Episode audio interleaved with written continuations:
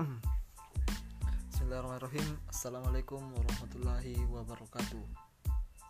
Nah Kembali lagi di podcast kedua saya.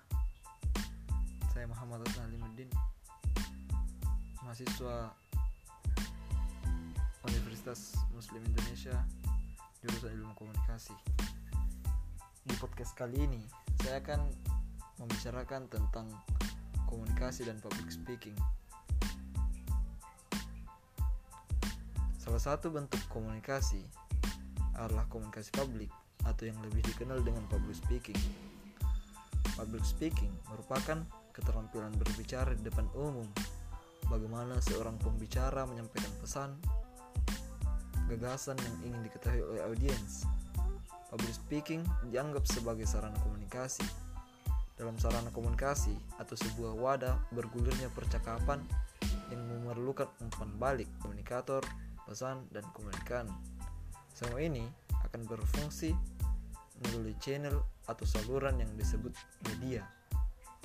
Nah, dalam melakukan praktek public speaking, setelah pembicara menguasai teknik-teknik pokok persiapan dan penyampaian pembicaraan, maka sangat menguntungkan apabila seseorang mengetahui kebutuhan-kebutuhan khusus dari jenis public speaking yang mereka jalankan. Public, speaking merupakan bentuk sarana komunikasi. Dalam sarana komunikasi atau sebuah wadah berguna percakapan, selalu memerlukan pembalik. Dalam dunia komunikasi, publik terdiri dari komunikator, pesan, dan komunikan. Semua ini akan berfungsi melalui channel atau saluran yang disebut media dalam komunikasi publik. Salah satu titik keberhasilannya terletak pada bagaimana komunika komunikator dalam hal ini membicara dalam menyampaikan pesan agar dapat dimengerti dan dipahami dengan baik oleh komunikan. Dalam jenis public speaking yang dilakukan dalam program plan visit termasuk dalam public speaking dengan tujuan untuk memberikan informasi Tujuan dari public speaking ini adalah membentuk pemahaman dan mengingatkan para audiens. Dalam public speaking ini, pembicara harus merencanakan percakapan dengan hati-hati karena berhubungan dengan membentuk pemahaman dan ingatan dari, dari para audiens.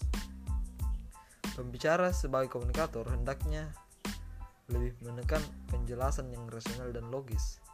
Artinya eh, bahwa ide informasi yang akan disampaikan haruslah disertai dengan alasan dan penjelasan yang logis.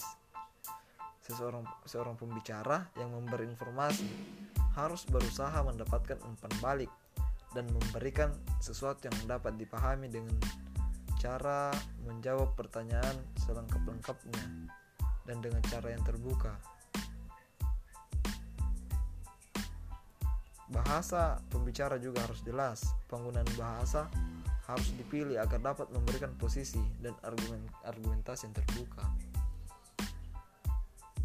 Uh, Aristoteles mungkin pendengar tidak asing lagi mendengar nama Aristoteles.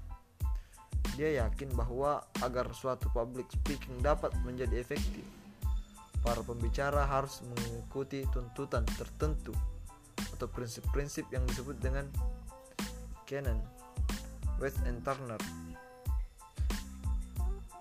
Canon retorika merupakan tuntutan atau prinsip-prinsip yang harus diikuti oleh pembicara agar pidato public speaking dapat menjadi lebih efektif.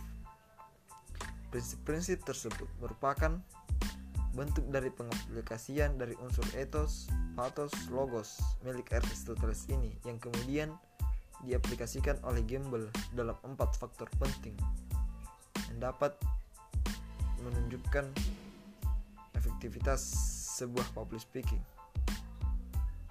Salah satu praktik dari komunikasi publik adalah presentasi.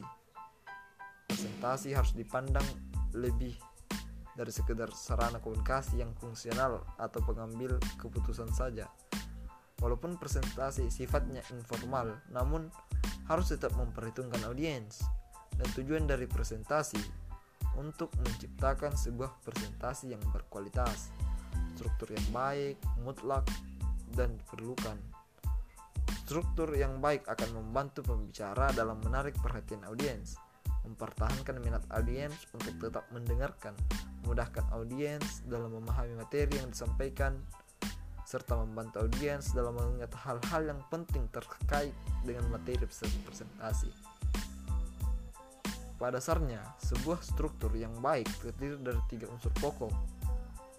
Bagian pembuka presentasi, bagian isi presentasi, atau batang tubuh presentasi.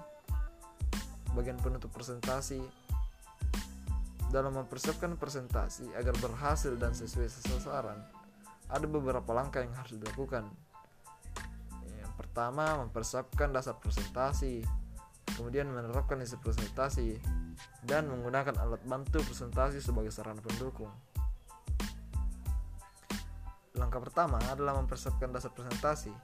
Dalam mempersiapkan presentasi agar berhasil adalah membuat daftar yang berisi sasaran. Sasaran yang akan dicapai. Penting bagi pembicara untuk membuat satu rencana bagaimana struktur presentasi mulai dari awal sampai akhir akan dibuat. Perhatikan pula waktu yang tersedia dan upayakan jangan melebihi target waktu yang telah ditentukan. Sebaiknya pembicara membuat persiapan dalam kurun waktu yang kurang dari waktu yang tersedia daripada melebihi waktu yang disediakan. Jika waktu persiapan melebihi waktu yang tersedia, tidak akan memungkinkan seluruh materi dapat dibahas. Pembicara sangat perlu membuat materi presentasi secara seksama dan detail. Namun tetap menjaga materi presentasi agar terlihat singkat sehingga seluruh materi dapat dibahas. Jika isi materi presentasi terlalu bertele-tele, maka akan mengurangi minat audiens. Mungkin segitu saja untuk podcast yang kedua kalinya ini untuk melengkapi tugas public speaking semoga podcast selanjutnya bisa lebih baik daripada yang sebelumnya. Karena saya juga manusia yang sedang dalam proses belajar. Sekian. Assalamualaikum warahmatullahi wabarakatuh